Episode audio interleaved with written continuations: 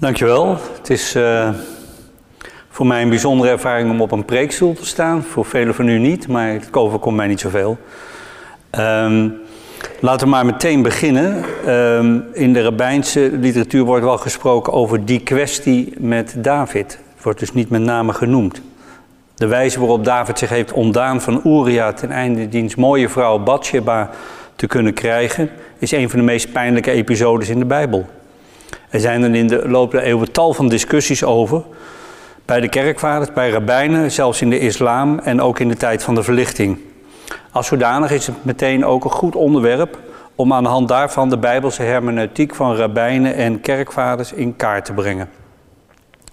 De eerste christen die een speciaal werk aan deze kwestie heeft gewijd, zei het om die eh, te weerleggen, is Ambrosius. Naast zijn Apologia Profete David is er zelfs nog een Apologia Altera, maar de toeschrijving aan Ambrosius is niet zeker, dus daarom laten we die buiten beschouwing. Een vergelijking van de rabbijnse benadering met die van Ambrosius, die natuurlijk een tijdgenoot was van rabbijn uit de vierde eeuw, kan van belang zijn. Het gaat niet allereerst om historische beïnvloeding, al weten we dat hier en daar Ambrosius op de hoogte was van rabbijnse verklaringen. Het gaat vooral om een structurele vergelijking van hermeneutiek, waarbij de verschillen natuurlijk even belangrijk zijn als overeenkomsten.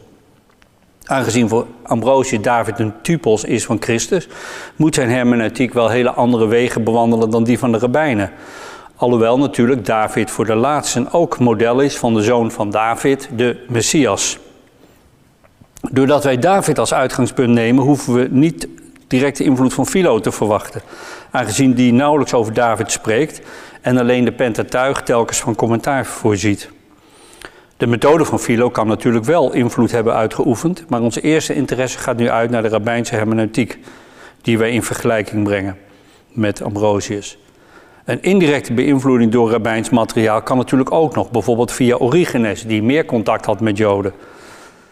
Uh, maar ook dan kan een structurele vergelijking nog steeds mogelijk zijn. Dus we richten eerst onze schijnwerper op de uitleg van Ambrosius en vervolgens de rabbijnse verklaringen en dan proberen we in een slotbeschouwing enkele conclusies te trekken. Het lijkt dat Ambrosius weet heeft van mensen die de enormiteit van die dubbele zonde van David, overspel en moord, niet kunnen rijmen. Ook maakt Ambrosius gebruik van voorgangers die al met hetzelfde probleem worstelden, Didymus en Origenes. Maar deze antecedenten zullen ons niet bezighouden. Het onderhavige werk van Ambrosius is exegetisch, maar met sporen van liturgisch gebruik als homilie. De apologie is mogelijk bestemd voor de klerus die worstelt met de vraag naar Davids morele gehalte en uitgedaagd daardoor door critici.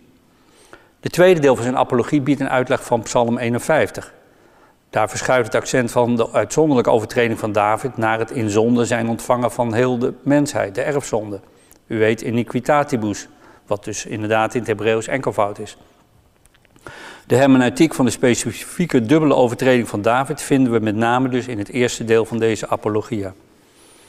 Ambrosius meent dat de mysterieën verborgen blijven als we alleen letten op de historische gebeurtenis die inderdaad heeft plaatsgevonden. Wat telt is niet het oordeel van mensen, maar het oordeel van God. David heeft het oordeel ontvangen en heeft vergiffenis gekregen. Dat wordt al duidelijk uit het feit dat Christus zelf zoon van David wordt genoemd door de twee blinden. En die krijgen daardoor het gezicht terug. God stelt David ten voorbeeld aan Salomo. Dus wat zouden menselijke oordelen er nog toe doen? Hiermee is het probleem bepaald niet opgelost, maar slechts verplaatst naar een theodicee. Waarom handelde God op die wijze tegen David? De vele deugden van David worden gememoreerd. Zelfs wordt Salomo op grond van die deugden vergeven. Zo'n machtige koning die ze verootmoedigt is een indrukwekkende zaak die maar zelden voorkomt. In een volgend argument, en de hele argumentatie vertoont overeenkomst met dat van een advocaat, komt de theodicee-vraag onvermijdelijk weer aan de orde. Oplossing is de volgende. Heiligen dienen menselijke trekjes te hebben. Anders zou de indruk ontstaan dat hun voorbeeld buiten bereik van gewone stervelingen ligt. En ook, het gaat om een beproeving van Gods wegen. Tegelijkertijd kan de mens beseffen dat standvastigheid geen aanleiding mag zijn tot trots, maar gepaard dient te gaan met de erkenning van Gods genade. Maar David hield geen stand.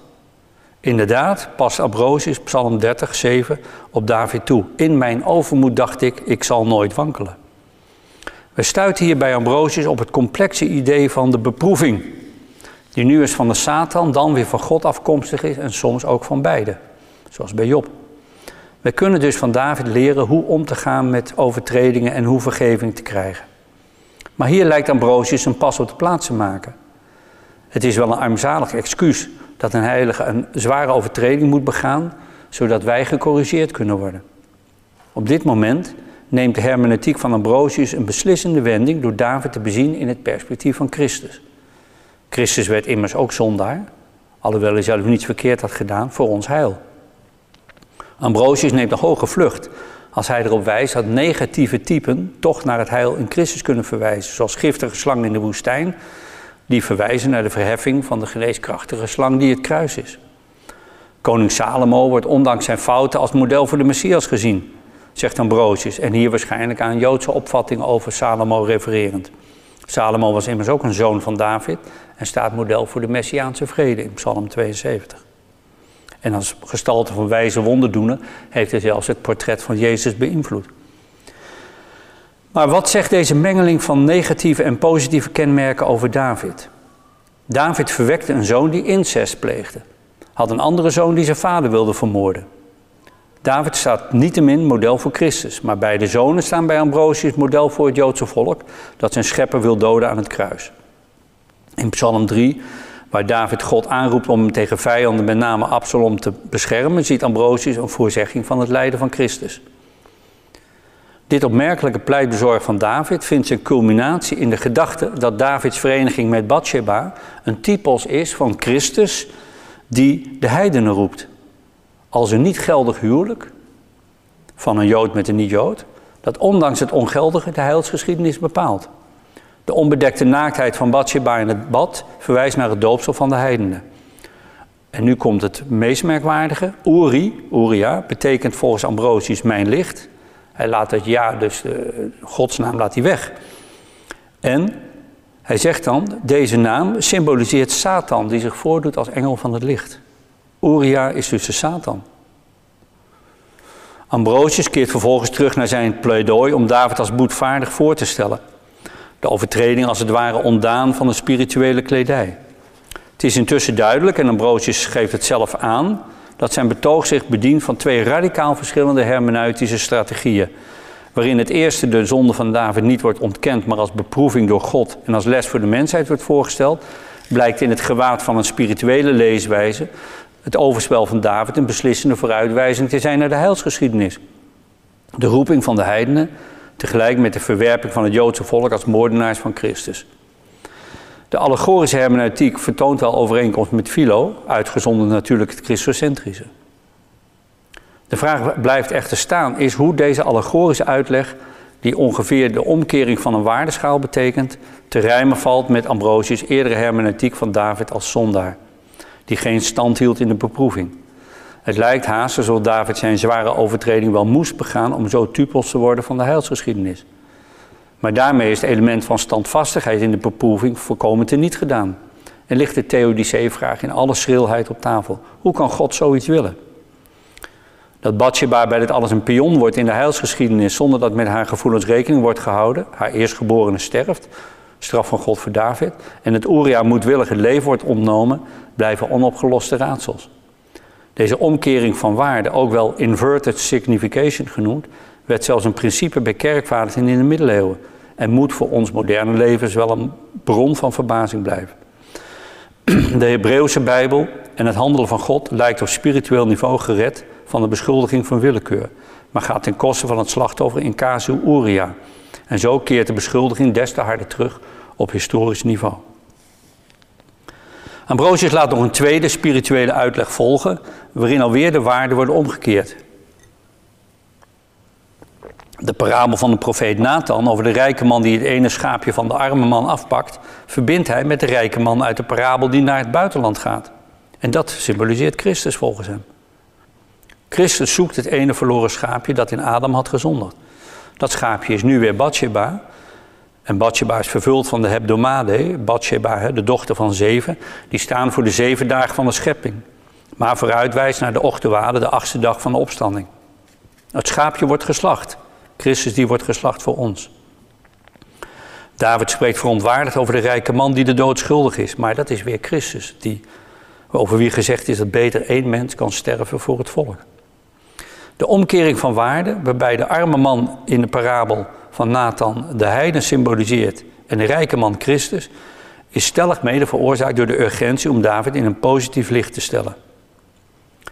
Wellicht herkenbaar wordt David vervolgens voorgesteld als type van de berouwvolle zondaar, die met vooruitziende blik de vergeving van de zonde in Christus besefte. Het hele traktaat opgedragen aan keizer Theodosius heeft wel iets van een forse spiegel, waarbij David zondigt zoals veel vorsten, maar berouw toont zoals vrijwel geen koning. Zijn talrijke goede daden bedekken de overtreding. We zien hoe de hermeneutiek van Ambrosius telkens op twee niveaus afspeelt. Eén niveau waarbij de overtreding van David in het licht wordt gesteld, maar wordt verzacht, omdat het ging om een beproeving, bedekt door vele goede daden. En een ander spiritueel niveau waarbij de typologie van David met Christus en Bathsheba met de roeping van de heidenen zo sterk is dat de overtreding tot heilzame voorzegging werd, wordt en wel moest plaatsvinden. Uria wordt tot weerstreven van de heilsgeschiedenis, tot Satan. De allegorische uitleg heeft twee doelen. Het Oude Testament redden tegenover critici, zowel van pagane zijde als van heretische zijde, Marcion, Apelles en Mani. En het op te eisen als voorbode van het Nieuwe Testament en zo ook te onteigenen aan de Joden. Messiaanse voorzeggingen konden niet op Abraham of op David slaan, zoals een Joodse zijde wel werd betoogd, maar moesten wel op Christus betrekking hebben. En daarmee werd een soort omgekeerde betekenis geïntroduceerd, waardoor slechte figuren het goede en goede het slechte konden symboliseren. De naaktheid van Bathsheba symboliseert het doopsel en de onschuld. Dat een dergelijke spirituele lezing op gespannen voet kwam te staan met een meer historische lezing behoeft geen betoog. Tal van christelijke auteurs maakten dan ook bezwaar tegen een dergelijke spiritualisering, waarin de historische gang van zaken wel haast lijkt te worden ontkend of te worden omgekeerd qua waardeschaal. Laten we nu eens kijken wat de rabbijnse hermeneutiek hiervan maakt. Er is een opvallende overeenkomst met Ambrosius, meer letterlijk historische hermeneutiek. Laat niemand zichzelf in verzoeking brengen, want David bracht zichzelf in verzoeking en struikelde. David zou gezegd hebben, Heer der wereld. Waarom wordt er gezegd God van Abraham, God van Isaac, God van Jacob en niet God van David? God zei, zij werden door mij op de proef gesteld. Denk aan Abraham die zijn zoon moest offeren enzovoort. En ze hebben stand gehouden. Waarop David zei, Heer, onderzoek mij en stel me op de proef. Psalm 26, 2. En nu volgt er een bijzonder verhaal uh, waarin David enigszins overmoedig is. God zegt, oké, ik stel je op de proef. Maar, om het een beetje populair te zeggen, ik zal je matsen. Ik vertel wanneer, zodat je je erop kan voorbereiden. En ik zal je met iets schandelijks op de proef stellen. Wel nu, wat gebeurt er volgens dit verhaal, eh, natuurlijk na Bijbelse verhaal? Bathsheba waste haar haren op het dak achter een kamerscherm. Dat verklaart natuurlijk meteen dat, dat Bathsheba ook niet helemaal naakt op het dak stond. Satan verscheen in de gestalte van een vogel op het venster. Want David had om zich te beveiligen zich in een toren opgesloten met maar één venster. Staat een vogel op het venster. David denkt, ik pak mijn pijl en boog en ik schiet die vogel. Hij schiet. Hij mist. Die pijl gaat verder. Die treft het kamerscherm. Het kamerscherm splijt in tweeën. En daar staat Bathsheba in al haar glorie. Bathsheba bedekt zich nog met haar haren, maar dat kan de begeerte van David beslist niet temperen, integendeel. Dus als zodanig is David toch ten prooi gevallen aan de beproeving. Hij heeft geen stand gehouden. En de rabbijnse literatuur erkent dat zijn twee overtredingen, overspel en moord. Dat verklaart ook dat nogal wat rabbijnse teksten maar in een toespeling erover hebben. Bijvoorbeeld, de episode wordt wel in het Hebreeuws gelezen in de synagoge, maar niet in het Aramees vertaald zodat de mensen eigenlijk niet goed konden verstaan, want ze kenden geen Hebreeuws meer zo goed, wat er precies gebeurd was. Een tweede strategie is een complexe halagische redenering. En dat is als volgt. Iedereen van het huis van David, die schrijft voor zijn vrouw een, die ten strijde trekt, die schrijft een scheidsbrief. Waarom? Omdat, stel dat je sneuvelt en je keert niet terug en ze hebben lichaam niet gevonden, dan zou die vrouw nooit kunnen hertrouwen. Dus wordt er gezegd in de Talmud, ehm, er wordt een scheidsbrief geschreven. Want er staat ook in de Bijbel, je zult aan je broers groeten overbrengen en hun verklaring nemen. Dat zou dus volgens de Talmud die scheidsbrief zijn. Wat is dan verklaard? De, het huwelijkscontract.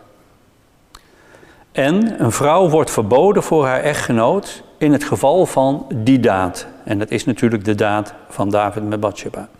Dus het idee zou zijn dat op het moment dat David Bathsheba huwt, dat het legaal was. Nou, u voelt wel. Het is een narrow escape, heel narrow, maar het is op een halagische redenering gebaseerd. Een andere, nogal vergaande apologetische uitleg, die zegt, ja, Uriah was ook wel ongehoorzaam.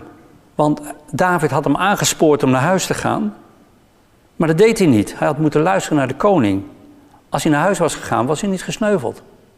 Tja. En dan nog een apologetiek die nog dichter bij Ambrosius komt. David beheerst zijn driften volledig, maar hij wilde een voorbeeld van omkeer en berouw geven aan anderen. Deze uitleg ziet het hele vergrijp als verkondiging van de kracht van berouw en vergeving, maar de apologetische nood is hoog. Een voorbeeld geven van berouw door Uria de dood in te jagen gemeenschap te hebben met Bathsheba is moeilijk overeind te houden. David zou feitelijk de doodstraf verdienen. En waarom hij die dans is ontsprongen, bezorgde rabbijnen hoofdbrekend. Al wordt de rekening wel vereffend door de dood van zijn eerstgeborene.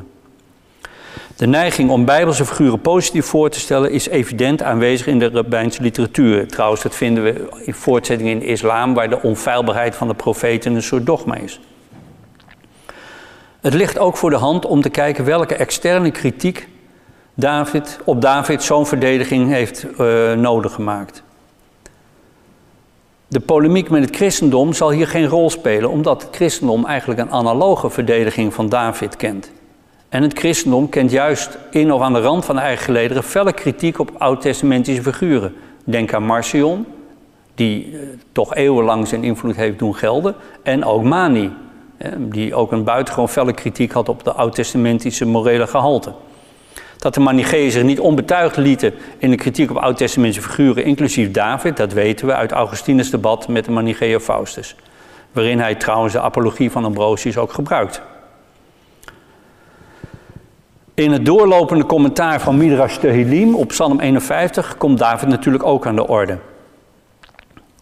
David zou door zijn schuld bekennen, ik heb gezondigd tegen de Heer, zou hij toch de komende wereld deelachtig zijn geworden.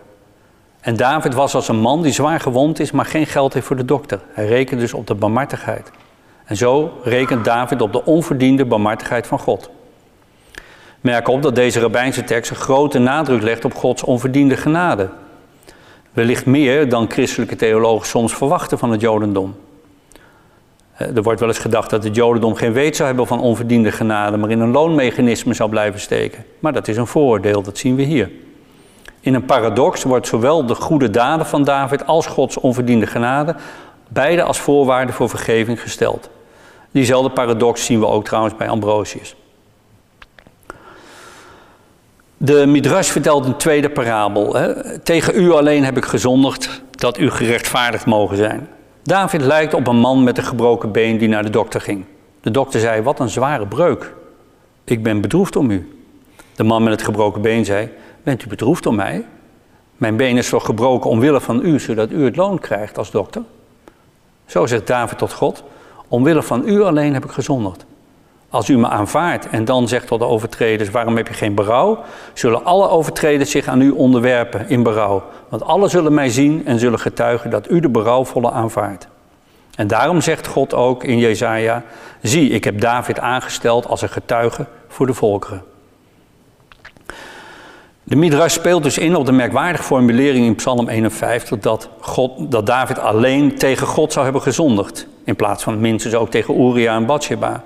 Dus hij vatte de zin anders op. Niet tegen u alleen heb ik gezondigd, maar omwille van u alleen heb ik gezondigd. En David wordt dan als model voor de berouwvolle zondaar gezien.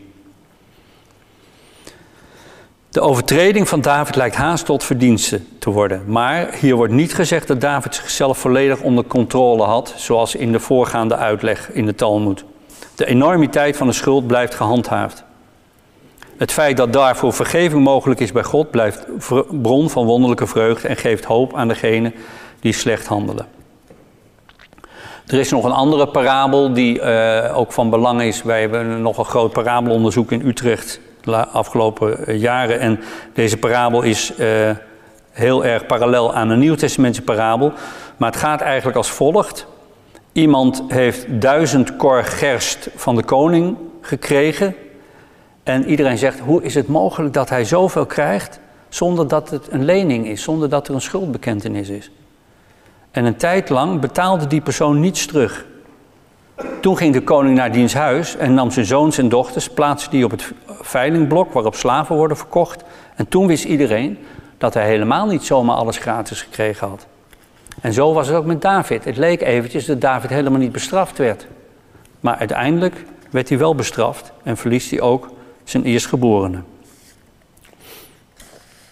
Zoals deze man in de parabel zijn schuld moest betalen uiteindelijk en werd gestraft toen hij dat niet kon, zo moest David ook de gevolgen van zijn vergrijp ondergaan. De enorme hoeveelheid van duizend kor strookt met de enormiteit van Davids vergrijp. Zonder het te noemen wordt de dood van Davids eerste kind met Bathsheba vergeleken met het tot slaaf worden van de kinderen van degene die in de schuld stond bij de koning. We zien hoe de rabbijnse literatuur zwenkt tussen het relativeren en serieus nemen van de overtreding van David. Het relativeren gebeurt met behulp van halagische categorieën. Soldaat dient te scheiden van zijn vrouw of Uriah had beter naar de koning moeten luisteren. Maar meer kerogmatisch wilde David als exempel van berouw dienen voor komende generaties. Laten we kijken of we een paar conclusies kunnen trekken. Ambrosius noemt ketterijen vaak in één adem met het jodendom. Hij noemt Arius, Marcion en Mani, soms op één hoop gegooid met het jodendom, die hij als bron van al die ketterijen ziet. Maar hij verdedigt zich met name tegen de semi-Marcionitische appelles, die inderdaad ook het, bijbelse het gedrag van bijbelse figuren bekritiseert. Reeds Irenaeus verdedigt zich tegen Marcion en andere critici van Oude-testamentse figuren, inclusief David, en legitimeert David als exempel van berouw. Of dergelijke kritiek ook de rabbijnse literatuur heeft bereikt, is moeilijk vast te stellen. In elk geval staan Ambrosius en de rabbijnen zij aan zij als het gaat om de figuur van David. De overeenkomst tussen Ambrosius en de rabbijnen waar het gaat om David, die overmoedig vraagt om op de proef gesteld te worden, is heel groot. En duidt, denk ik, op rabbijnse invloed op Ambrosius. Zowel de rabbijnen als Ambrosius citeren Psalm 26:2. Heer, onderzoek mij en stel me op de proef en interpreteren dat als de overmoed van David en de inluiding van zijn beproeving, van zijn test. Intertextueel zien we dat Psalm 26:2, Psalm 51 en 2 Samuel 11 hier zowel bij de rabbijnen als bij Ambrosius met elkaar verbonden worden. De spirituele christocentrische uitleg van Ambrosius heeft de functie om, de om David als christen toe te eigenen en aan het jodendom te ontzeggen. We vinden van deze spirituele lezing geen parallel. De lezing die David met Christus identificeert, waardoor de schuld van David als vanzelf buiten beeld raakt, is een volledige omkering van waarde. Het dichtste komt die rabbijnse opinie die stelt dat David zo handelde om een voorbeeld van berouw te tonen, terwijl hij zijn driften wel degelijk onder controle had. Maar de eigen problematiek van die uitleg mogen duidelijk zijn. Er zijn een drietal elementen, en daarmee sluit ik af, waarin de rabbijnse uitleg van David en die van Ambrosius frappant overeenkomen. Ook als de Bijbeltekst daar niet direct aanleiding toe geeft. 1. David was overmoedig en werd door God op de proef gesteld. Uh, Psalm 26, 2. Doorgrond mij, ken mij, toets mijn hart en mijn nieren. David was te zelfverzekerd en vroeg zelf om de beproeving. Bij Ambrosius wordt dat wat dualistischer doordat Uria als vorst van de duisternis wordt bestempeld. En bij de rabbijnse uitleg blijft God degene die beproeft. Maar zoals we weten is Pyrasmos altijd een soort dubbelheid van is het nu van de Satan of is het van God of van allebei. Twee, David bedekte door zijn vele goede daden zijn zware overtreding. En hij weet zich afhankelijk van Gods barmhartigheid. Zowel goede daden als Gods barmhartigheid zijn hier bepalend. En C, of drie, David is exempel van berouw en vergeving en als zodanig onmisbaar voor latere generaties. Als er sprake is van directe beïnvloeding van Ambrosius door de rabbijnen, en ik heb al ooit in het verleden een voorbeeld in het paradijsverhaal uh, daarvoor aangegeven, dan laat dat zien dat Ambrosius, ondanks zijn felle anti-Joodse stellingnamen, niet aarzelde om contemporaine Joodse uitleg aan te wenden als het hem uitkwam. Dank u wel.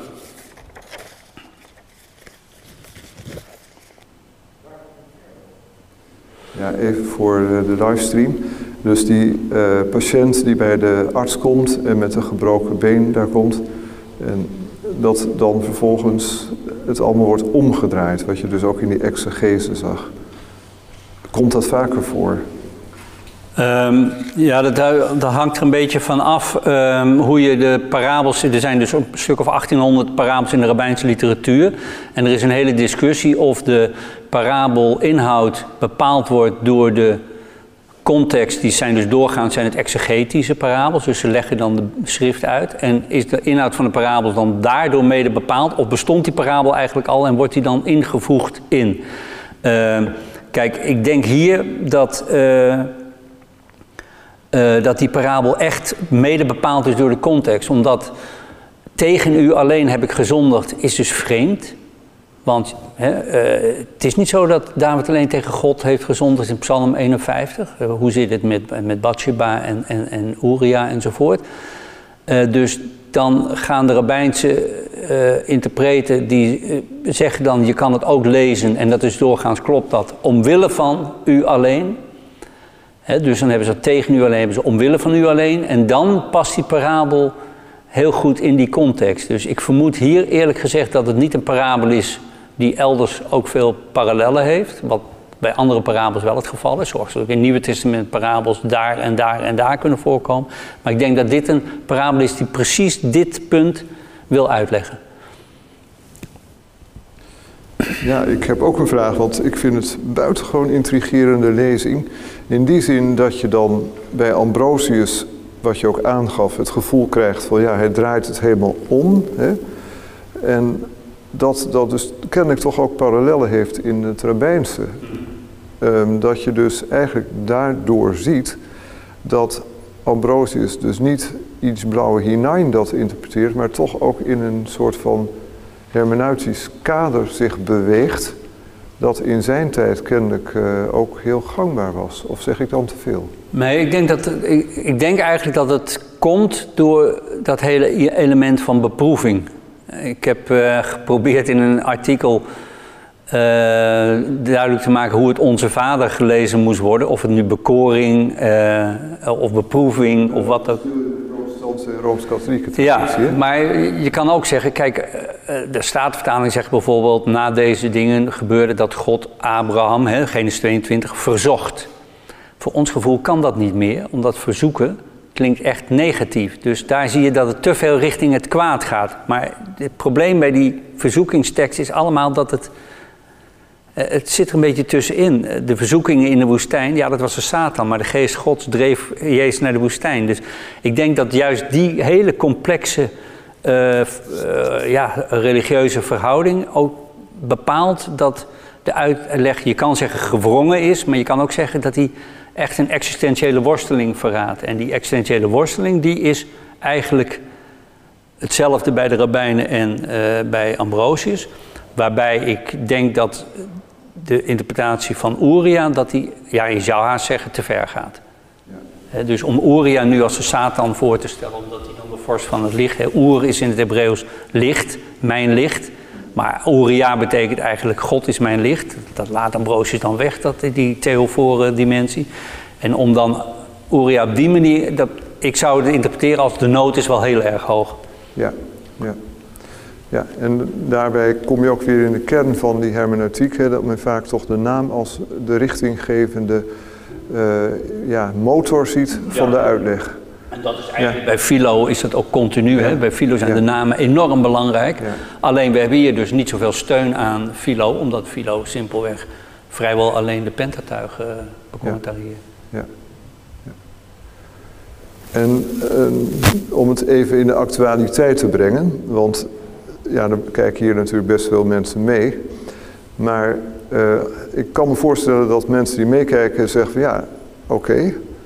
Uh, maar die geschiedenis die dus eigenlijk op zich, wat je ook aangaf, die enormiteit van de zonde Ja. behelst. Hè? Want ja, het is toch niet niks om met een getrouwde vrouw overspel te bedrijven en dan haar echtgenoot te doden.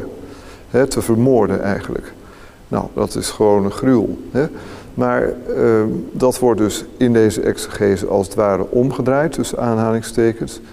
Eh, ik kan me voorstellen dat mensen die dit programma nu bekijken denken ja, maar wat is dit nou toch? Eh, ging het Jodendom en het Christendom op die manier om met dingen die we gewoon aan alle kanten moeten afwijzen? En dan zou ik dat dus eigenlijk nu eens even aan jou willen voorleggen van wat zou dan jouw reactie zijn? Ja, ik denk ik, eigenlijk dat in bepaalde uitleggingen ook wel een sleutel eh, ligt. Dat is, lezen wij de Bijbel als een geschiedenis van, van heiligen en supermensen? Of lezen wij eh, het diepmenselijke van eh, die figuren die niet in alles een voorbeeld zijn, maar juist ook in hun diepte wel herkenbaar kunnen zijn? Ik denk dat dat eigenlijk de belangrijkste les is die we eruit kunnen halen. Dus dat ook de grote David eh, in dat opzicht dus zeer diep gezonken was. Ehm, het is misschien interessant om op te merken dat ook in de islam dit hele verhaal ook van die beproeving en die, dat kamerscherm is overgeleverd. Maar dat dus latere commentatoren, zeg maar eh, een eeuw of vier, vijf na de Koran, dat die gezegd hebben, de oplossing is heel anders. De hele Batsheba heeft nooit bestaan. En dan moet je dus de Koran lezen, waarbij je dan ziet. En dan zeggen ze ja, dat verhaal van die 99 schapen en die ene schaap, daar loopt dus ook een Nieuw-Testamentische parabel doorheen. Maar dat is eigenlijk een verhaal van David die recht moest spreken tussen twee mensen. En dat heeft niets met de figuur van Bathsheba te maken. Dus dan krijg je eigenlijk een hele radicale oplossing, wat we wel weten. Namelijk, de Koran is dan de authentieke openbaring en de Bijbel is gecorrumpeerd. Want het kan niet dat dit soort verhalen over David, dat die waar zouden zijn. Maar interessant is dan vervolgens, eh, die Bathsheba werd dus wel moeder. Haar eerste kind overleed, het tweede kind was Salomo. En die kunnen wij toch terugvinden in de historie ook, met documenten. Wat doet Ja. de islam daarmee? Nou ja, kijk, eh, het is natuurlijk zo dat eh, als je uitgaat van tagrif, hè, dus van corruptie van de Bijbeltekst, dan kan je dus van een heleboel dingen zeggen, eh, dat is erbij gemaakt. Zij zeggen eigenlijk gewoon dat de, de, de perfectie van de profeten kan niet toestaan dat dit soort verhalen over hen verteld worden. Maar ik heb het dus nu over de latere islam, want in de vroegere bronnen komt wel degelijk dit hele verhaal van de beproeving van David komt ook voor. Is simpelweg overgenomen uit Joodse bronnen.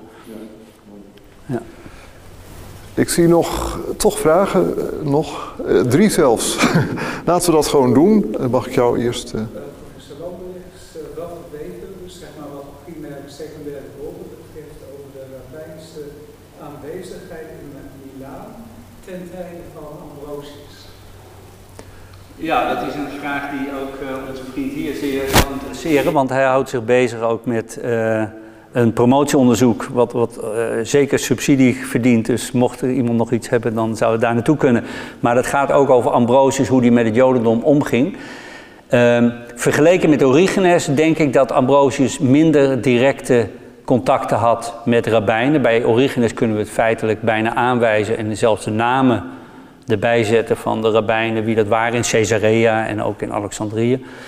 In Milaan is wel een, een Joodse gemeenschap. En ik denk toch dat, kijk, er is zoveel onderzoek gedaan naar Philo en, en uh, Ambrosius, dat men is vergeten dat de echte tijdgenoten van Ambrosius waren toch de rabbijnen. En uh, ik denk dus, zowel hier, maar ook dat, dat verhaal wat ik ooit in Vigilië heb gezet over het paradijsverhaal, waar je toch duidelijk ziet dat Ambrosius een rabbijnse uitleg overneemt die je niet bij Philo terugvindt. Dus ik, ik denk dat het misschien wel een, een onderzoek waar, waard is om eens echt te kijken naar wat, uh, wat Ambrosius zo al vermeldt. En dan zie je dus het merkwaardige, daar had ik het met, met, met hem ook nog bij het ontbijt over, dat uh, de officiële houding van Ambrosius tegen het Jodendom is uiterst negatief. Maar tussendoor schroomt hij niet om met volle handen uitleggingen die hem bevallen over te nemen. Maar jij gaat toch echt wel uit van contacten met rabbijnen in Milaan. Ja, ik vind bijvoorbeeld hier hè, dat die verschillende eh, bijbelteksten, dus eigenlijk drie, intertextueel met elkaar verbonden worden, zowel in de rabbijnse literatuur als bij Ambrosius. Dat zal wel heel toevallig zijn. Ja. En ik denk, we kunnen het zelf beoordelen, maar die, het hele idee van dat David overmoedig was en, en zelf de, de beproeving over zich afriep, ik denk dat het voor veel van ons verrassend is. Dus dat we kennelijk die link zelf nooit gelegd hebben. Dus dat is echt wel iets wat daar gebeurt. Ja. En heb je zelf, ook, omdat je onderzoek hebt gedaan daarin, een idee van eh, die of die rabbijn of rabbinistische traditie zou die kunnen hebben gevolgd? Of? Nou, het probleem van de rabbijnse tradities is punt 1, de datering is echt uh, dus een enorm verschil met de kerkvaders, waarbij je vaak discussieert over uh, één of twee jaar uh, en wanneer was het. En we weten bij de kerkvaders natuurlijk de auteurs. En dat zijn twee dingen die je eigenlijk in de rabbijnse literatuur niet weet. Dus het is heel, je moet heel erg voorzichtig die linken leggen. En, en je zou kunnen zeggen dat je kan dus meer een soort vermoeden opperen wat tot de waarschijnlijkheid komt, maar je kan eigenlijk vrij weinig zeggen, dit is absoluut zeker. Mijn, mijn criterium is wel dat als het moet niet uit de Bijbel zelf direct te herleiden zijn, hè, er moet dus een nabijbelse uitleg zijn en die moet dan zo verrassend zijn dat je kan zeggen van hé, hey, dat kan je toch niet zomaar uh, op twee plekken verzinnen. Duidelijk. Ja, uh, behalve natuurlijk wanneer de rabbijn Ambrosius gereageerd zou hebben. Ja, um, nou ja, die, die teksten waar we het net over hadden, over dat uh, gif van die slang. Dat, uh, dat is dan niet over Ambrosius direct, maar uh, dat, ik denk dat dat eerder is in de rabbijnse literatuur. Maar het is een hele vreemde tekst, waarbij dus het idee is dat de hele mensheid eigenlijk door het gif van die slang is besmet, behalve degene die dus de Torah ontvangen hebben. Ik vermoed dat dat weer een rabbijnse reactie is tegen het. Want dat is ook nog een factor. Hè? De manichaïsme zet natuurlijk ook door de, zeg maar de vervloeking van de materie eigenlijk alles onder, uh, ja, onder kritiek. Ja, duidelijk. Ik geloof dat er nog een vraag was. Ja, Elise, denk ik. Uh, bij Ambrosius uh, zou ik het niet zo precies weten. Het is wel zo dat de rabbijnse literatuur heeft het eigenlijk heel uh, makkelijk. Want zij realiseren zich dat het grote drama van de hele uittocht, wat het kernverhaal in de Bijbel is, het grote drama is dat Mozes het land niet mag betreden. Dus er zijn heel veel verschillende uitleggen waarom dat niet mag. En er zijn zelfs wel enigszins komische verhalen dat Mozes tegen Jozua zegt: Joh, als ik nou gewoon als gewone Israëliet meeloop, dan valt dat niet op en dan loop ik toch even mee. En zegt Jozef, nee, dat doen we niet, want dan is mijn leiderschap onmiddellijk naar de Filistijnen. Want dan zegt iedereen, hé, hey, daar heb je Mozes en dan lopen we achter hem aan. Vergelijk dat met een dominee die niet in zijn eigen gemeente moet blijven wonen, want dan gaan alle mensen nog steeds naar hem toe. Uh, dus in de rabbijnse literatuur is het duidelijk dat Mozes, uh, ja, dat, hij moet iets op zijn geweten hebben. Dus nu het doden van die Egyptenaar blijft een delicaat punt. Aan de ene kant geweldig. Wat? Nou, eventjes terugkoppelen naar Elise. Ja, dus wat Ambrosius betreft zou, zou ik zeggen nader onderzoek. Ik zou dat niet zelf weten. Uh, ik weet wel dat hier natuurlijk zich ook het probleem voordoet dat te veel kritiek op Mozes ook weer de integriteit van het Oude Testament op het spel zet. Dus daar zal weer een hele complexe verhouding uh, zijn. Maar heel interessant hoor, zeker iets om uh, verder uit te zoeken. Ik kan daar wel kort op reageren. Ik heb natuurlijk Ambrosius ook wel eens op andere punten gelezen. Maar wat jij zegt Marcel, dat dus die bijbelheiligen, die staan dus eigenlijk gewoon nou ergens niet ter discussie. En zo zal zeg maar, de belichting bij Ambrosius van Mozes ook best wel heel positief zijn. En bovendien is het zo dat uh, Ambrosius, als hij het niet weet, als ik het zo mag zeggen, te raden gaat bij Philo. En het beeld van Mozes is bij Philo natuurlijk ook uitgesproken positief. Dus dat betekent dat hij waarschijnlijk dan of vanuit het standpunt van ja, maar die Bijbelheiligen, dat zijn heiligen die we moeten navolgen. Daar moet je positief naar kijken. Vanuit dat standpunt is positief exegetiseerd. Of als hij het niet weet of denkt van nou, hoe uh, heeft men daar in de Joodse traditie tegen aangekeken, dan Philo dus uh, ter hand neemt en kijkt wat Philo over Mozes heeft gezegd. En dat is natuurlijk dan positief ook. Ja, daar kan ik wel iets bij aanvullen. Dat voor Philo is Mozes eigenlijk de mysticus bij uitstek. Hè, die, net als later bij Gregorius van Nyssa, dat hij bestijgt de berg en hij nadert de duisternis waarin God is. Dat is voor Philo heel belangrijk. En voor Philo is Mozes uh, zowel koning, priester en profeet. Dus het drievoudige ambt schrijft hij ook aan Mozes toe. Ik sluit het af, maar even nog met een terugkoppeling naar Benno en naar onze Belgische collega's. Uh, ik kan nog gewoon vragen, omdat uh, Mathieu, jij dat misschien ook gewoon hoort als ik het nu vraag. Is jouw vraag naar behoren beantwoord? En dan zie ik wel of jij naar Benno daar nog op reageert. Dat lijkt me misschien nog wel een mogelijkheid.